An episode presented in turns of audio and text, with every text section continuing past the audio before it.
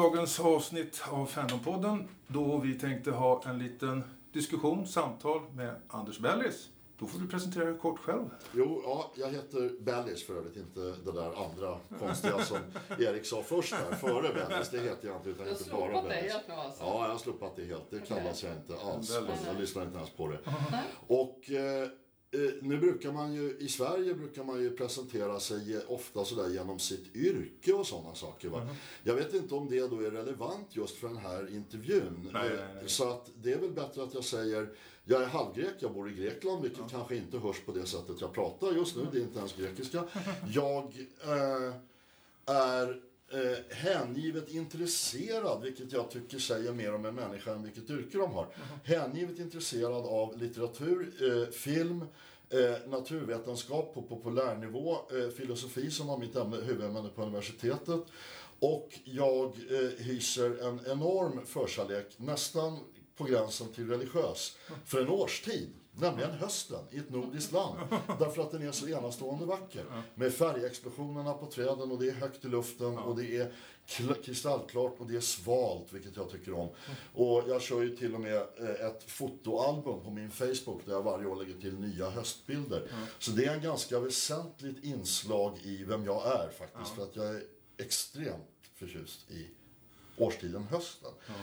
Eh, och sen är jag förstås heavy metal-fan. Och inte att förglömma SFN sen SFN. 70-talet va? Ja, Var det sen, ditt första möte med Svensk Fandom? Ja. det var 1975, Sam Lundvalls kongress. Eh, och eh, det, ja, det, då hade jag sett en, en annons bara i Shadam-magasinet och eh, var då på den, gick på den kongressen. Sen blev det Skanko 76 året därefter och det var ju egentligen på sitt sätt fascinerande för att den var avsedd, den var från början ett bud på världskongress. De förlo- 76? ja, och de förlorade det budet.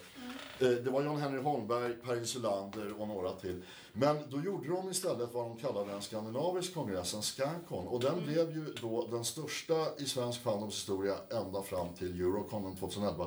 Så min andra kontakt överhuvudtaget med fandom var alltså en, denna gigantkongress. Och allt detta, båda de här kongresserna tillsammans, det var ju fullständigt överväldigande. Jag menar, för en liten grabb så här, det var... Och man, man upptäckte den här världen, fandom, med... Eh, där alla helt plötsligt liksom var science fiction-fans. Va? Och, eller science fiction-professionella. Vilket ju är...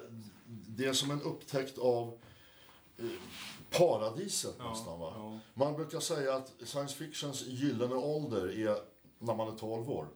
Och det är ungefär så det, är- det är så det är. Va? när man upptäcker man science fiction i den åldern så är det den här väldiga sense of wonder man får först. Och sedan eh, upplevelsen då av att komma in i fandom där folk faktiskt förstår vad man pratar om och tycker att det här är skitballt. Ja. Så du var 12 eller? Nej, jag var något lite äldre. Men i alla fall. Mm. För jag tyckte det var en sån söt historia du berättade att det var någon som tog upp det på scen. Ja, jag var den yngsta. Det var Anders Palm som var kongressordförande.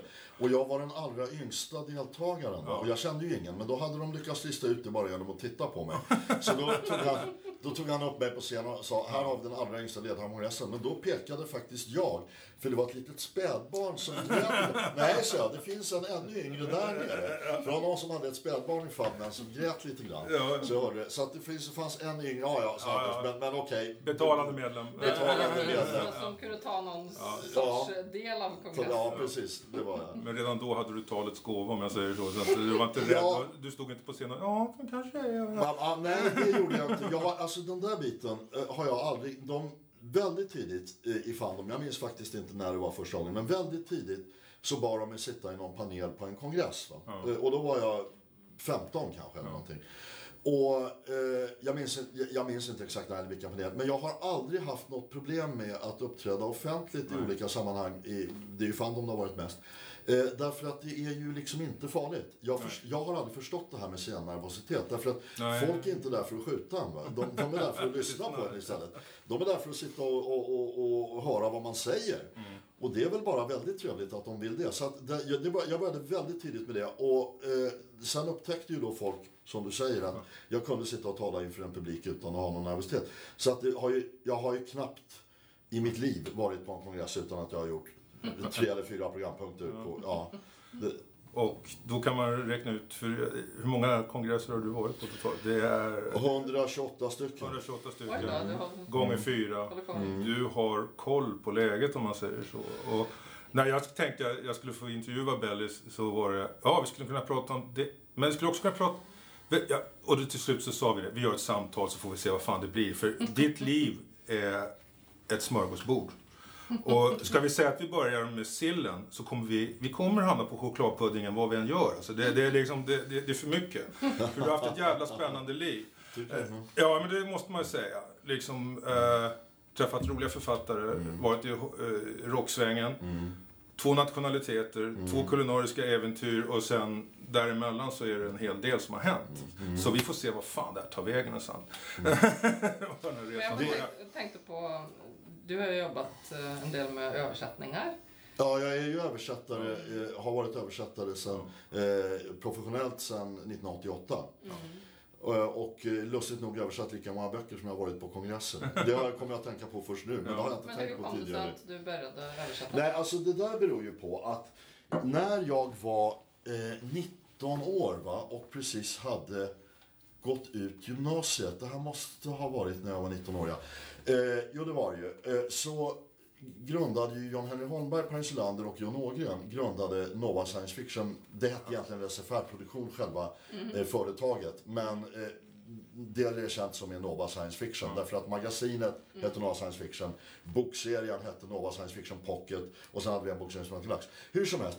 De grundade det här och de behövde någon som kunde vad man på den tiden kallade för typsätta. Det fanns ju inte hemdatorer. Utan det var som en elektrisk skrivmaskin. Men som kunde skriva ut med raka högermarginaler. Så att det blev eh, boksidor. Va? Så jag, jag började med mitt första riktiga yrke egentligen var då att vara typsättare och redaktionsassistent för utgivningen av Nova Science Fiction-magasinet och för mm, böckerna. Så du fick pengar för det? Alltså? Ja, alltså, ja, jag var ju anställd av dem. Ja, och eh, det, jag hade då, eh, man, jag, jag fick betalt per mängd arbete jag gjorde. Jag minns inte längre eh, vilka, enligt vilka statuter. Men det, så att det var mitt jobb om man säger va. Men sen var det ju väldigt trevligt därför att lokalen de hade, det var ett litet ställe på Kungsholms kyrkoplan, liten lokal. Där förvarade John Henry sin fanzinsamling. Så jag ägnade ju halva tiden åt att sitta och läsa i gamla amerikanska fanzines och sådär. Sen arbetade jag den andra delen av tiden. Och det var en liten sån här ganska tjuffig lokal, men det, det var trevlig. Och det här förlaget fortsatte att utge och publicera böcker under, eh, fram till 1987. Så under den tiden jobbade jag med det här, och, eh, både då som redaktionsassistent och som typsättare. När förlaget gick i konkurs till slut på grund av de ekonomiska förhållanden som rådde för SE-utgivning, då hade John Henry börjat på Bra Böcker som förläggare. Allmänförläggare där. Och då hade jag, jag hade ju inte längre något jobb. Nej. Och då sa den Henry, ja men du ska inte börja översätta då? För att då och så gav han mig en översättning. Den första boken jag gjorde var Footfall utav Larry Niven och Jerry Pornell på svenska som eh, nå, någonting jag inte minns. Jag kommer inte ihåg titeln. Eh, den var väl, John Henry tyckte väl då att, ja visst, nej, men det här är ju bra nog för att jag ska kunna fortsätta. Liksom, va? Så att han fortsatte då att ge mig böcker att översätta så länge han var kvar på bra böcker.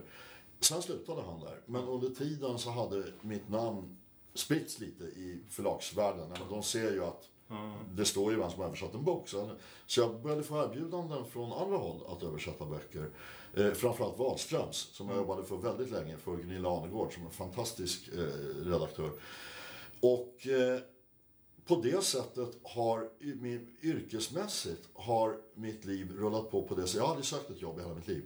Utan ja, men hela förlagsbranschen bygger på kontakter. Och jag, det, någon säger till någon annan liksom, att, Nej, men jag vet någon som kan översätta den där typen av böcker. Han är bra på det. Bellis, kontakta honom. Så kom, bara dyker upp något sånt här erbjudande. Kan du översätta den här boken åt oss? Och så gör jag det. Och jag har arbetat för 15 olika förlag kanske. Det vet jag inte hur många. Så du jobbar fortfarande med översättningar ibland? Jag gör det. Jag, numera översätter jag dock oftast till engelska.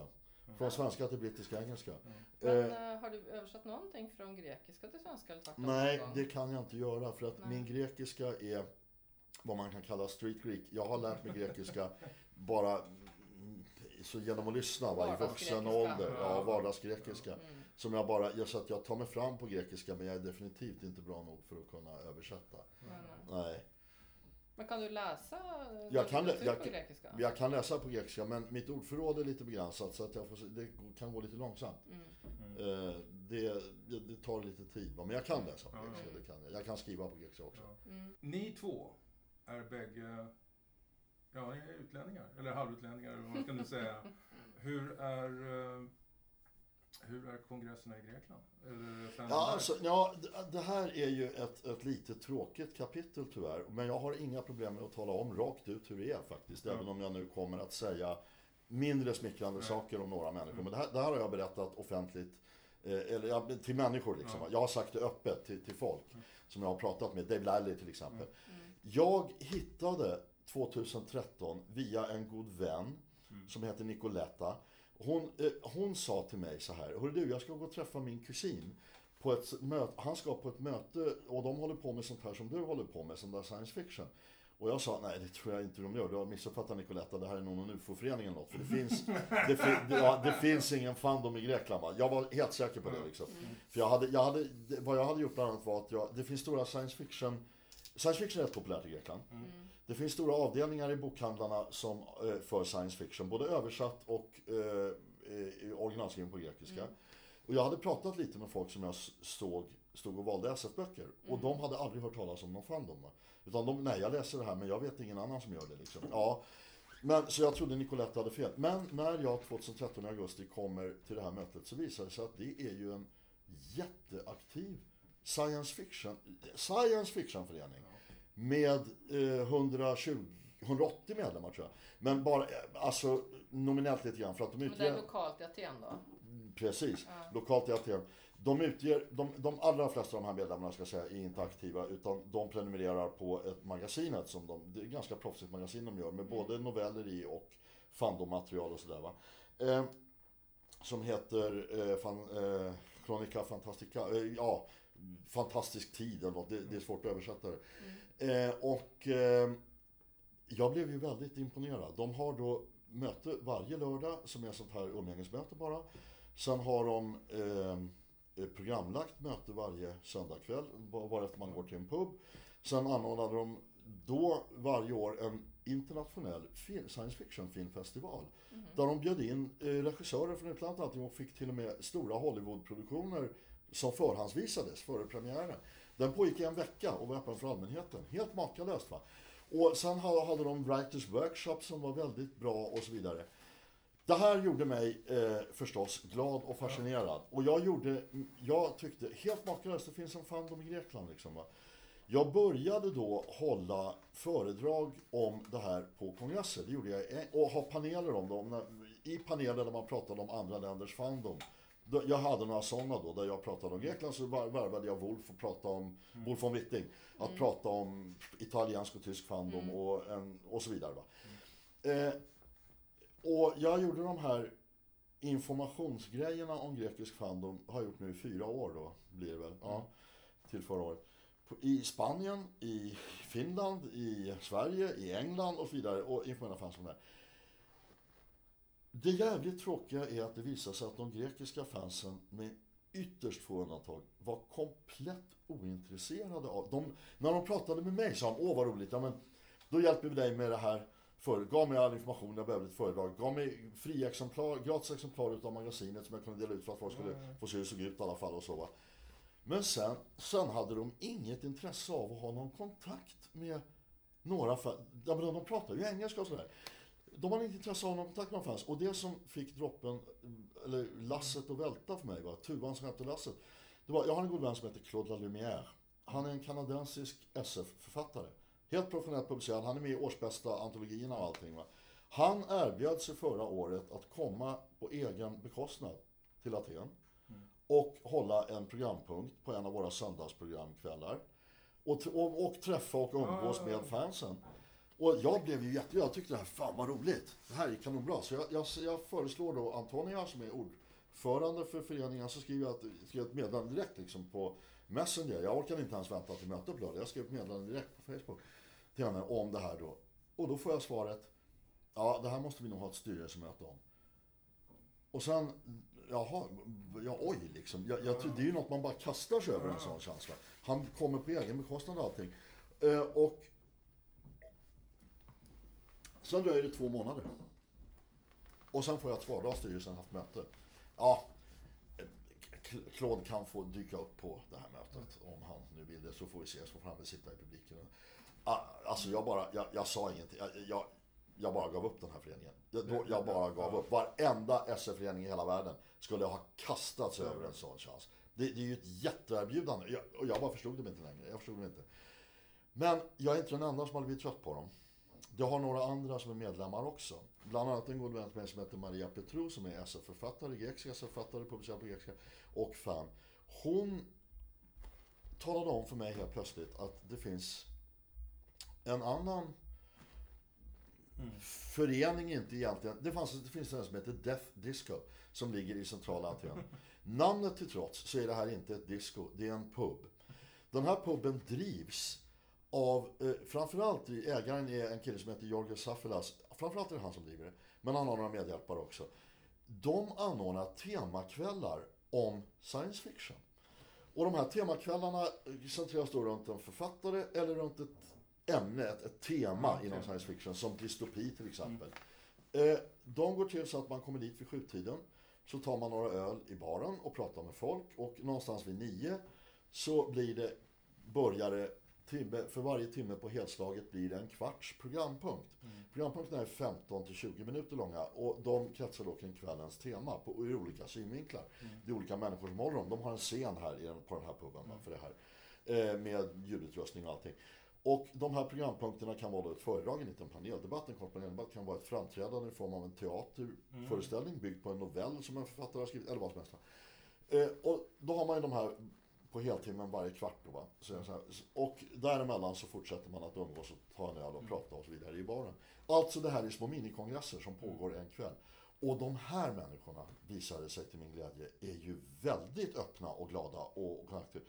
Och, och, med kontakt med omvärlden och så. Så jag pratade också med George om, skulle du vara intresserad av att det kommer någon, om, om, om, om det kommer någon författare hit och så vidare från utlandet. Ja, ja, ja. Absolut samma. Och nu, lustigt nog, vem hör av sig veckan och hör av sig mig. Hörru du, nu kommer jag till Aten nästa år, så, ah. 2019. Kan vi fixa någonting?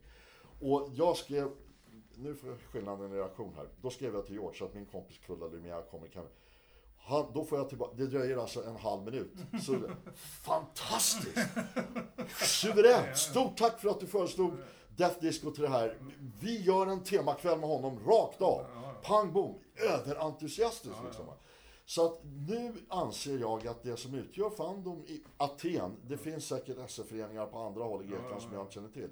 Men jag vet att det finns en i Thessaloniki, som jag, de har jag ingen kontakt med ännu.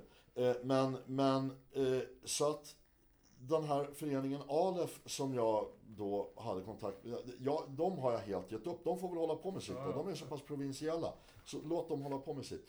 Eh, och den här filmfestivalen har de lagt ner för övrigt, så att den finns inte ens kvar heller. Men, men det för mig nu är det Death Disco. Det är de här människorna som, som Men det är... kanske, jag vet ju inte vad det är för typ av miljöer de har sprungit ur de här föreningarna. Det är kanske det som skiljer. Alltså Möjligen. Vara, hur funnisk är man liksom? Är, är man, det lät som att den första föreningen var lite mer så semiprofessionella som träffas och har... Eh, ja, sa, eh, några utav dem är bara fans va. Men, ja. men de, alltså, de, de är faniska på det sättet att de är så att säga intresserade av fandom i sig. Det är mm. de inte. Men hur gammal är den, den här typen av kultur i Grekland? Föreningen är 20 år gammal nu. Den ja. fyllde 20 år helt nyligen. Ah, okay. Så den har funnits i 20 år. Inte jätteny. Men man har inte haft någon sån här fanzinkultur som man har haft i norsk och svensk Nej, liksom. nej det har man inte. Och, eh, det, och det här magasinet som de utger är faktiskt väldigt, det är väldigt proffsigt gjort. Ja. Det, det, seriöst, det ser ut som analog liksom. Ja. Och, men det är tryckt på bättre papper. Mm. Men, och, och, det har fotografier, illustrationer och allting. Va? Så det, det, är ett väldigt proffsigt gjort magasin. Och, men de är inte mycket för den amatörverksamheten, nej. nej, nej. Det har de inte. Eh, jag tror att skillnaden lite grann är här att eh, Ja, alltså den, den här Alef, eh, det, det är eh, den här styrelsen som jag pratade mm. om. De väljer om sig själva vartenda år. Mm. Det är de som väljer vilka som är styrelsen, så det är bara de hela tiden. Mm. Och det är lite sånt här, de vill bestämma allt. Ja, ja, ja. Och det här de är felet... Inte för idéer utifrån. Nej, felet var att det var jag den alltså halvsvensken som kom med idén att ta dit en kanadensisk författare. Va? Ja, ja. Den idén kom jag med. Och det, var, det blev inte populärt hos styrelsen. Därför att, men medan de här andra, alltså egentligen så är de, det här andra gänget, skulle jag säga egentligen tillhör inte Fandom på samma sätt nej, riktigt. Va? De har inte gått på, de, de, men de har, ju, de har bara blivit av sig själva på något sätt. Mm. Och sen är det så att en av kvinnorna som är med och driver den här puben, hon är halvamerikanska. Så hon är inte omedveten. Hon vet om att det finns kongresser och sådana saker. Va? hon har varit på några Star Trek-kongresser i USA för att hon är Star Trek-fan också. Va?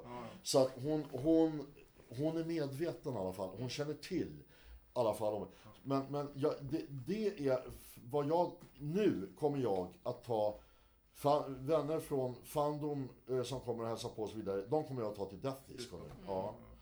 Som då är vad jag tycker är fanverksamheten i Aten som är värd något. Du har träffat löjliga många författare genom åren. Dels genom ditt yrke och dels genom att vara på kongresser. Mm. Och jag tänkte vi skulle göra en liten rolig lek. Mm. Jag säger lek. För jag vet att jag kommer, jag tänkte var så här. Jag säger ett namn. Nu kommer du börja säga ett benbart namn som jag, av någon ja, jag, jag, jag, kommer säga, jag kommer säga ett namn. Uh, du får säga om du har översatt den, om du har träffat honom, uh, kort vad du tyckte om den personen och så kan vi gå vidare. Så mm. är ni beredda att leka? Du kan vara med och leka också. Mm. Brian Aldis? Ja, eh, Brian Aldis träffade jag ett antal gånger. Jag eh, ska inte påstå att jag kände honom, eh, var bekant. Eh, jag satt och pratade med honom på jag minns två tillfällen, jag minns inte vilka kongresser längre faktiskt. Därför att sånt, det rör sig ihop i huvudet. Var det en Eastercon? Var det en Worldcon? Ja, alltså det, man vet inte längre va. Men, men det, nej, han, han, var en väldigt, väldigt eh, eh, trevlig och förekommande människa måste jag säga. Och den, han, var, han var ju extremt kunnig och intelligent. Han var väldigt intressant att prata med. Okay. Väldigt intressant att prata med. Alltså. Mm. Paul Anderson? Honom kände jag bättre. Vi brukade eh, prata svenska med varandra. För han hade ja, ju... Just, ja, eller han, ja, egentligen inte svenska. Alltså danskt va. Men han mm. kunde... Han pratade eh, danska eh, på... Eh, han pratade... Jag säger så här. Jag tycker han pratade bättre danska än, än danska människor i Danmark. För de förstår inte jag. De förstår, men han pratade tydligt. Va? Han kunde prata tydligt. Så det kunde vi stå och snacka ibland på ett roomparty och så. Till exempel på en brittisk kongress då, låt säga kunde stå och snacka svenska och ingen omkring oss förstod vad vi sa. Det, ja, var kaxigt. Ja. Isak Asimov? Nej, aldrig, aldrig träffat. Okay. Alfred Bester? Du sa om översatta förresten. Jag, jag har översatt lite av Asimov. Ja, ja, men det... Alfred, ja, det har jag gjort. Bland annat hans den här eh, Nightfall. Nightfall. Ja, eh, men Alfred Bester, ja, alltså Alfred Bester var ju hedersgäst på den första kongressen jag gick på. Ja, ja. Och han signerade eh, Tigermannen åt mig. Då, då skrev han att, eh, you know what? This title is now beginning to look very familiar to me. För han hade signerat rätt bakom så skrev han, eh, han, han, han var trevlig, men jag var ju väldigt liten då så att jag pratade kanske inte så mycket med honom. Okay. Harry Harrison? Ja, Harry Harrison. Han var ju alltså, han var hedersgäst på Bacon 1978. Och då, mm. det var första gången jag träffade mm. honom. Och sen, träffade, sen sågs vi eh, många gånger på, på mm. brittiska kongresser och så. Va? Jävligt rolig. Han, och han var ju väldigt... Han, vänta, han var hedersgäst på någon av Lundvalls kongresser också. Nu minns jag inte vilken. Um, ja, någon utav dem. Ja, ja. Det kommer jag inte ihåg. Eh, och... Ehm, eh, jo, så, nej, han, han var rolig. Han, han var ju också god vän med Brian Aldis. De var ju väldigt goda vänner. Ja, han, han, uh, ja. Gjorde du, har du knegat, översatt någonting av honom? Eh, jo, ja, det, vi utgav ju Harry Harrison i Nova Asset Pocket-serien. Va? Mm. Och eh, då gjorde vi ett antal böcker. Eh, de satte jag ju då, men jag översatte dem ju inte. Men... Eh, jag gillar nog. Ja, det är sätt att läsa. Ja, inte honom heller. Robert Silverberg? Ja, många gånger. Han, är ju dess, han var ju dessutom, eh, alltså honom bytte jag ju jag fick hans fanzine också. Han utgav ju fanzine. Ja. Va? Och vi var med i, i samma sån här APA som det heter, Amateur Press Association. Mm. Den här heter FAPA, det är den äldsta och mest legendariska. Sådär. Eh, och de gör utskick, de buntar ihop fanzinen då och gör utskick mm. flera gånger om året. Där fick jag hans fanzin och sen har jag träffat honom eh, ett antal gånger genom åren på kongresser. Han är numera lite, eh, lite reserverad låt säga. Mm. Han har ju börjat bli, få lite sämre hälsa kanske. Ja, så, ja, ja. så det är sånt som händer. Mm. Clifford D. Simak? Det är ju min eh, favoritförfattare inom fältet. Och när jag var på min första amerikanska världskongress så var han hedersgäst. Då frågade jag, jag, jag, alltså jag var ju redan då fullkomligt tok fan av Sinatra. Det, det är min favoritfattare inom genren förutom Ray Bradbury. Jag älskar City. Ja, den är makalös. Mm. Så eh, jag frågade eh, eh, Cliff då ifall jag fick intervjua honom. Och eh, här kommer då en liten mm. pojke liksom från Sverige och frågar detta till Cliff. Han, han var ju fantastisk. Han bjöd upp mig på sin svit. Och mm. jag hade, eh, vi satt där och jag, det var på den här tiden fortfarande med då kassettbandspelare. Som, eh, och eh, jag hade med mig de här kassetterna på den tiden. Det, det var 45 eh, minuter på varje sida tror jag det var. För man skulle kunna spela in en LP på varje sida. Va? Ja. Så det var 45 minuter på varje sida av den här kassetten. Och jag hade tänkt, här får jag väl en... Ja, här blir väl en, blir väl en kvart eller något. Men han fyllde hela bandet. En och en halv timme satt vi och snackade. Och den tiden tog han sig... Den tiden... Ja, den tiden tog han sig och eh, satt och lät mig ställa frågor och prata med honom. Ja. Trots att han var... Vad är han för typ av person? Han var, det här är märkligt, han var precis som gestalterna i sina egna böcker. De jag här, kan tänka mig det. Ja, de här människorna han Lite skriver om. Väldigt ödmjuk. Ja. Och, och alltså eftertänksam och inte, mm. jag menar han... Mm. Och, Gud vad roligt. Det måste vara ett... En, inte det minsta så att säga, no, inte någon form av divalat så att säga. Mm. Va? Och, Eh, vi pratade tidigare här idag, satt jag i en panel om, eh, som handlade om Lars-Olof Strandberg. Och eh, mm. jag fick ett mycket starkt in, Jag kände naturligtvis inte Clifford C. Mac som jag kände Lars-Olof, men jag fick ett mycket starkt intryck av att eh, Clifford C. Mac var också en människa för att få honom att säga något ont om någon, då skulle du nästan vara tvungen att och, liksom tortera honom eller något. Va? För han gjorde, vi pratade om andra författare till exempel och så också. Va? Andra författare och han, han sa inte ett ont ord om någon. Utan Nej. tvärtom. Liksom väldigt, ja. Ja, det är kul att se. Jack Vance? Ja, han var... Han var ju hedersgäst på eh, den här Scancon 76 som jag berättade om, som då skulle... Som var ett bud på en världskongress men inte blev det, som är nu det. Det blev legendariskt därför att Jack Vance skulle då, på den tiden hade man kongressmiddag på lördagen. Mm. Så att alla, alla Den fick traditionen som jag saknar lite faktiskt. Det saknar jag med. Det, ja. var, det var väldigt roligt. Man mm. hade kongressmiddag på lördagen och alla mm. satt och åt. Och, mm. och under den middagen höll hedersgästen då sitt tal. Va? Oj! Det mm. låter nästan som ett Nobelpris. Ja, ja, ja, ja, ja, ja, där. ja. Lite grann åt det. Ja. Man delade ut lite fanniska priser Man delade ut priser ja, på, på de här middagarna. Det, ja. Klädde om till frack och smoking? Eller? Nej, nej, nej. Många som klädde om till, till snyggare kläder på kvällen. Ja, några, det hände väl. Ja, men, ja. Eh, men, men Jack Vance då, på, vid det här tillfället, han hade då... Folk blev lite sådär betänksamma liksom när, när, när han skulle hålla sitt tal. Därför att han tar upp en manusbunt som är tjock som en telefonkatalog. och, och, man börjar så här liksom, jaha, oj. Och det visar sig att detta är verkligen manuset. Så han står och börjar hålla sitt tal. Det tar två timmar eller mer. Och sen när han är klar med den här manusbunten, då har han kommit på 7000 grejer till han vill säga. Så då bara fortsätter han. Och då, alltså, det här, det här talet. jag måste medge. Jag orkade inte sitta kvar sitt. Utan jag och två andra killar. Jag, jag kände inte så många av dem, men jag, jag hittade två kompisar där som jag, jag hamnade med dem vid bordet. Va? Så vi upptäckte att vi var hängivna Uriah Heep-fans alla tre. De var lite äldre än jag. Jag, kommer fortfarande vara, jag har ingen kontakt med dem nu, men de heter Hans Lundberg och Leif Andersson. Och så vi smet ut faktiskt ur, ur eh, matsalen där och satt utanför och pratade om Uriah Heep istället. För vi orkade inte lyssna till slut. Okay. Och det, så, men det här talet blev legendariskt därför att han jag kan säga så här också. Uh, nej, men, men, men, jag, vänta, jag vill framhålla en sak. Jack Vance är en av de absolut bästa författarna ja. inom SF-fältet någonsin. Makalös författare. Och det här var, han hade mycket att säga, så okej, okay, men det var kanske lite för mycket då. Mm. Jag tog de här författarna därför det här är från Delta förlag. Ah. ah. Och uh, Delta förlag anser jag är uh, fröet som planterades i marken och som de som jobbar med tv-spel, film idag, de sprang och läste de böckerna på biblioteket när de var små pallevantar. Och det ligger till stor grund för det som är bland annat eh, en spelindustri i Sverige idag som omsätter 15 miljarder kronor om jag minns rätt. Och det, tar mig till Sam J. Lundvall. Mm. Som jag anser är amiral när det gäller att och du känner honom Mm. väl. Mm. Och där skulle man nästan ha ett specialavsnitt med dig. Mm. Men du är egentligen i första hand SF-fan, inte Ja. så mycket fantasy. Nej, jag, jag har inget...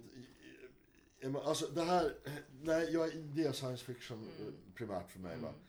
Och jag har, jag har aldrig varit någon Tolkien-fan. Ja, jo, det var jag när jag var 12 år. Men, men, men alltså, jag har Inte nej. Mm. Och när jag senare faktiskt har försökt, man, Tolkien är väl den som man får ta som den kanske främsta företrädaren fortfarande, tror jag, den mest berömda i alla fall. Eh, och när jag eh, har under senare år, för några år sedan, gjorde något försök att läsa om ringtrilogin, som jag i tonåren läste först på svenska och sen på engelska, så tycker jag alltså att, att men det är ju förfärligt. Alltså det är ju förfärligt. Den är ju så illa, nej, men den är ju så illa, här, nu kommer jag bli mördad utav någon, men den, är, den är ju så illa skriven så det är skräckinjagande och den här storyn hänger ju inte ihop för fan. Det, det, du kan ju köra pansarvagnar genom böckerna. Det, det, jag menar, kom igen. Nej, så, nej, och, nej, men anledningen till att jag är mest intresserad av science fiction det är ju att science fiction bygger på en rationell naturvetenskaplig världsbild, det vill säga världen så som den faktiskt är. Och så extrapolerar man och spekulerar utifrån det. Skräck och fantasy gillar jag också. Och jag har läst mycket sånt också. Men intresset är inte lika stort av det skälet att där är det ju just, alltså det är magi, det är alver och så, så, företeelser som inte fungerar eller finns. Jag tror inte att magi fungerar i alla fall. Så, och så vidare. Va? Så att det här, det, och det gör för mig science fiction intressantare. Mm. Som litteraturform. Därför jag tycker, jag personligen, jag säger inte detta som en objektiv sanning, men jag personligen tycker att den har väsentligare saker att säga Mm. än, än, än, än de andra. Om du skulle göra eh, topp 10, inte topp 10, men vilka SF-böcker har betytt mest för dig? Det, Eh, City, som eh, Kristin nämnde, är absolut eh, rakt upp där, straight up. Eh, sen, jag tror faktiskt att jag väljer, ja, The Illustrated Man av Ray Bradbury. Men också för att det var, nu skulle jag kunna nämna andra Bradbury-böcker också, och jag skulle kunna nämna andra Smack-böcker, men ja, City men säg bara, rekommendera Bradbury. Du, Bra- Okej, Brad, ja, Brad, ja, men Det känner mannen var den första jag läste. Ja. Den har på något sätt... ja, Den är bra. Ja, den är fantastiskt bra. Så Ray Bradbury utan tvivel. Eh, kanske eh, något banalt, men eh, George Orwell. 1900, Ja, ja, ja. 1984. Och eh, även... Eh, nu är ju inte Animal Farm egentligen kanske science fiction, va? Men Alltså tematiskt kan man säga att den är det. Den, kriti- den, den gör en kritik av totalitära system. Den också, på ett sätt, eller kalla den fantasy då, men science fan, jag vet inte. Eh, och ehm, Orlando av Virginia Woolf naturligtvis. Mm. Det Den har ju naturligtvis den eh, största författaren genom alla tider. Det går- Det måste- är ju naturligtvis med va. Ja, för du, du blev, vi satt och pratade och du blev ganska emotionell igår när du satt och pratade om, jag visste inte att du var så pensionerad. eh, Fullständigt. Alltså min, det, det, det, med, min beundran för Virginia Woolf är fullkomligt gränslös. Ja. Alltså den är gränslös. Jag, jag, jag, hon kan inte... alltså, På det, på det sättet är jag en ganska dålig recensent av hennes böcker. Jag har ju, jag har ju skrivit anmälningar utav några av hennes böcker. Va? Eh, men jag... Jag kan ju inte kritisera henne. Nej. Hon kan ju inte göra fel. Alltså, så det, allt hon gör är ju bara, är ju bara helt suveränt. Liksom. Så, det, faktum är att min nästa, det nästa jag skriver om nu vad gäller eh, video... Ja, nu, nu var det inte rätt, men vänta. Ja, det här, ja, ja, det är lugnt, vi går vidare. Därför att, ja, därför att jag kommer in nu på topp 10 i alla fall här. Ja. Därför att det finns fantasy som jag räknar upp i topp 10 också. Och vad är det? Jo, Tove Jansson. Ja, ja, ja. Mumintrollen. Ja. Och där säger vi hela klabbet. Det är allihopa. Och, och eh, det här, jag upptäckte ju något oerhört det, det är så här. Tror det eller ej. Men just Pappan och havet hade jag aldrig läst förrän Nej. i höstas. Det är sant. Mm. Mycket märkligt, inte sant? Men, Mm. men så var det. Och när jag läste den i höstas så såg jag ju, det här är ju fullkomligt osannolikt, tror jag. Har ingen upptäckt detta tidigare. Men det visade sig att det hade någon förstås, för att det är så uppenbart. Va? Jag hittade en doktorsavhandling om det på nätet och vad är det jag upptäckte? Jo, jag upptäckte att Pappan och havet är ju Tove Janssons svar på To the Lighthouse av Virginia Woolf. Mm. Det är hennes version av, alltså hon, där hon ger sin infallsvinkel på samma tema. En, en familj som faller samman och hon använder samma symbol som genomgående fyren. The Lighthouse. Den, det hus som sprider ljus. Och den här symbolen kan tolkas, och, och bör, i bägge de här fantastiska författarnas fall, det är en mycket dubbel, mångbottnad symbol. Va? Som de, men som de använder på delvis samma, delvis olika sätt. Och så jag, jag håller på och... Ja, det är en sån här sak som man samlar sig lite inför. Va? Men jag, jag ska skriva nu snart liksom, en, en, en, en artikel om, eh, om det här, om Tove Jansson och, och eh, Virginia Woolf. Mm. Därför att, det här, att, att läsa de här böckerna i tandem skulle jag säga, de är ju så kanonbra bägge, bägge böckerna var för sig. Självklart, va? Men med de här två enastående begåvade författarna, enastående begåvade, och dialogen, alltså det är som man ryser va, när man upptäcker det. Det, det, alltså, det, det, och det är fan, fantastiskt. Det blir, och det blir, därför att egentligen ska jag säga att det blir en dialog. Därför att även om Virginia Woolf aldrig var medveten om Tove Janssons bok. Och hon dog ju innan, innan, innan Tove Jansson ens hade börjat skriva några böcker. Va? Men, men eh, det blir en dialog ändå. Därför att Tove Jansson har gjort det här så pass skickligt så att man, man, man alltså böckerna talar med varandra. De, de går i tandem liksom. Och det, det, det är fullkomligt svindlande. Men som sagt, jag hittade en doktorsavhandling om det på Ja. nätet så jag är inte den första som... Nej. Jag tänkte, nej, jag, nej, jag tänkte, jag, det här är så uppenbart tänkte jag när jag upptäckte det. Att jag kan inte vara den enda för fan. Nej, och då, som sa, nej det, det var jag ju inte. Nej. Okej, vad Det skulle jag. Eh, men eh, nej, eh, då ska vi se. Då, jag har väl nämnt fem författare nu i alla Ja. fall. Va? Ja. Och om vi då håller oss kvar inom fältet så... Eh, ja, alltså, det, det är möjligt att det blir en aning... Eh, det är nästan trivialt, men det är å andra sidan sant va? H.G. Wells. Ja, Ja, svårt eh, därför, att, ja, därför att han grundlade också så många utav temat där inom science fiction. Tidmaskinen, eh, Alien Invasion eh, och så vidare och så vidare. Va? Så att H.G. Wells eh, utan tvivel. Eh, och eh, sen är ju naturligtvis... Eh, ja, det ska vara... Fan, måste vara lite noggrann tycker jag. Jag är, jag är lite jävla sparsmakad alltså. Ja, men det gör inget. Det får man gärna vara. Det, Därför att det ska vara verkligen den högsta kvaliteten i så fall. Va? Det är väl, eh, man kan väl inte rimligen heller förbigå en annan kvinna som, som dock fascinerande nog eh, blev författare på grund av Orlando. Som hon framhöll som den bok som påverkade henne mest i hela hennes liv och det är ju Ursula K. Le Guin. Mm. Men på frågan, när hon fick frågan, vilken är typ, jag menar, världens bästa bok? Va, typ. Hon, sa- direkt, hon svarade direkt Orlando av Virginia Woolf. Det var den lärde mig vad man kan göra med språket. Så. Och det var då jag blev bestämd med att jag skulle bli författare. Så att eh, Ursula K. Le Guin får man ju, mm, bör man ju ta med på en sån här lista. Va? Eh, jag, eh, jag gillar inte normalt sett hard SF så mycket. Det som man kallar hård SF, det är tungt vetenskapligt. Men det finns ett undantag och det är Arthur C. Clarke. Mm. Som jag tycker också är en lysande eh, eh, författare. Inte så mycket som stilist eller så faktiskt. Men däremot som berättare. Han, han kan berätta en väldigt bra historia och han kan göra det med den vetenskapliga kunskapen som gör att den också blir trovärdig. Mm. Eh, För det hade han. Och eh, wow. Ja. Det, alltså när man ska tänka ut tio, Ja, ja, men du, ja, precis. Och du då ska de helst, egentligen, då ska de, då ska de allra helst, jag vill inte ha några som sänker nivån. Nej, får- men det, jo, du, Nej. jag, jag skulle precis säga det. Du har, eh, om vi pratar Michelin-guiden, så har du sagt trestjärniga. Det är Mm. okej att säga en Big Mac med stor pommes frites om du vill. Alltså, eller en tunnbrödsrulle med två okej. grillade och en pucko. Okej, ja, vi, vi, tar, vi, tar en, vi tar en kalamaki då, en grekisk kalamaki. Ja, så, så, och, och i så fall så eh, skulle vi ju kunna säga då... Det han, ja, när, när det är sådana som man har känt grann. Men, men då skulle jag till exempel vilja säga Paul Anderson. Okej. Som jag inte tycker är riktigt lika, lika högt upp som... Lite där. Men, Men men, nej, men, men men, bra. Och, och Keith Laumer. Framförallt hans Space Opera-böcker som jag tycker det är ett sånt jävla tryck i dem. Och sen ska jag naturligtvis säga, mm, det är nästan märkligt att jag, att jag inte... Nu, så här. Eh, jag blev science fiction-läsare av följande skäl.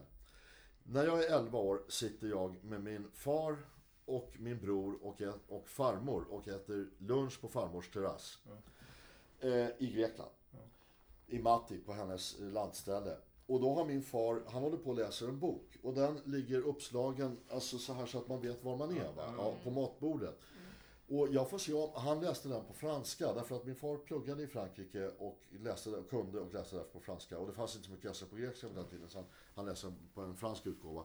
Jag såg omslaget på den här boken och blev fascinerad. Så frågade jag honom, vad, vad, han, vad handlar den boken om? Liksom? Fascinerande. Och då berättade han storyn så långt som han hade kommit. Och det här fick, det, jag blev alldeles fascinerad. Va? Jag, jag, det, det svindlade för ögonen. Boken var för övrigt The World of Nolay av Alfred Elton van Vogt. Ja, eh, den har jag märkligt nog aldrig läst. Men, men eh, jag har läst annat av van Vogt. Men så när jag kom tillbaka, och så sa min far, när han hade berättat den här storylinen så långt han hade läst. Det här är något som kallas för science fiction. Och jag bestämde redan där då, när jag kom hem till Sverige måste jag börja titta efter science fiction-böcker. Och då hittade jag några pocketutgåvor så här utav, utav, som det stod science fiction på. Och, och då, då förstod jag att det, den, det måste vara samma typ av bok som, som farsan läste där. Va? En av de här var en liten Wahlströmsutgåva, en fickutgåva, eh, som hette Tvekamp i kosmos. Och eh, den första novellen där var faktiskt av Alfred Elton van Vogt då. Den hette Igen. Den måste jag erkänna att jag inte ens minns. Men jag minns bara titeln och namnet. Tvekamp i kosmos däremot, det var Fredrik Browns Arena.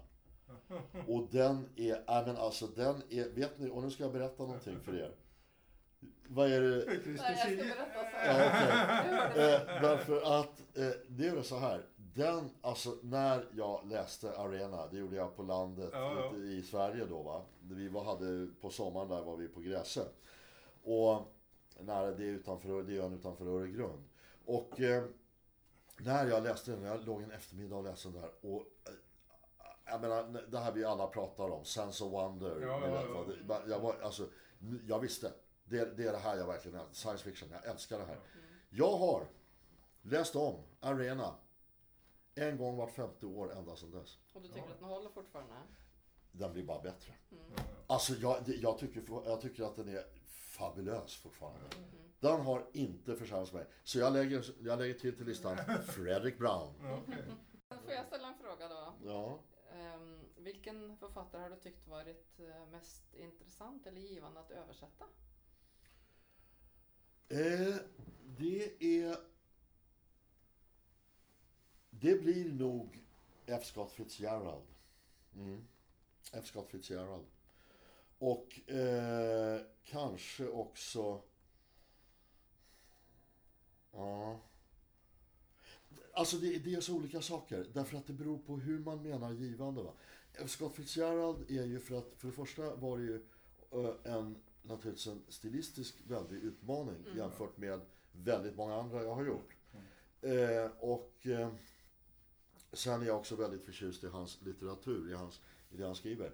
Å andra sidan, å andra sidan va, så, så kan man ju också se det ur eh, den mer... ehm, om vi gör, jag tycker inte om att göra sådana här skillnader. Därför att man, där, ni vet när man pratar om kvalitetslitteratur kontra kiosklitteratur. Alltså, finare litteratur och Ja, ja. inte lika fin.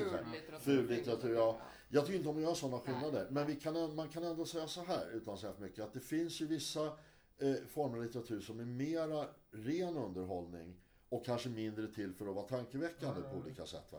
Och om vi då säger att även sån, om vi kallar det då temporärt för underhållningslitteratur, så har jag ju, hade jag ju väldigt mycket utbyte också av att översätta, även om de är något formelskrivna, va? men att översätta Lee Childs böcker om eh, Reacher, om Jack Reacher.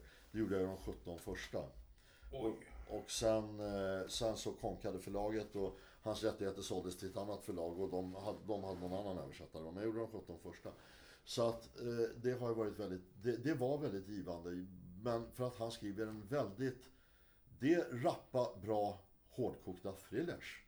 Och han gör inte anspråk på att skriva någon, om vi, ja, citationstecken hög litteratur. Så att nej.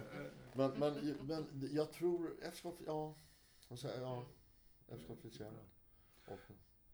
I och med detta så har vi fått en inblick i Bellis Ja, det här är ingen karriär utan det här är ju ditt nöje som du har berättat om. Och det finns så mycket man skulle vilja gå in på djupet. Det vi har pratat, vi, vi, vi, eh, vi har pratat, jag, det finns ju andra grejer som jag ägnat mig åt. Ja. eh, Som är mitt filmintresse och allt sånt Ja, där också. Va? Som, och där, du har nämnt det här med att träffa författare, men via framförallt min mor så har jag också träffat och blivit god vän med ganska eh, framstående människor inom filmvärlden. Ja, och sådär. Så att, men, men eh, eh, det är egentligen, det är väl kanske egentligen ett annat ämne. Ja, precis. Mm. Och i och med det så får jag säga det, någon gång så kommer vi antagligen att prata med dig om ditt filmintresse. Men här och då, nu och då så har vi fått en timme av Bellis. och eh, det får vi vara tacksamma för. Och så får vi se när det blir härnäst. Ja, Då tackar vi så mycket. tack. Tack.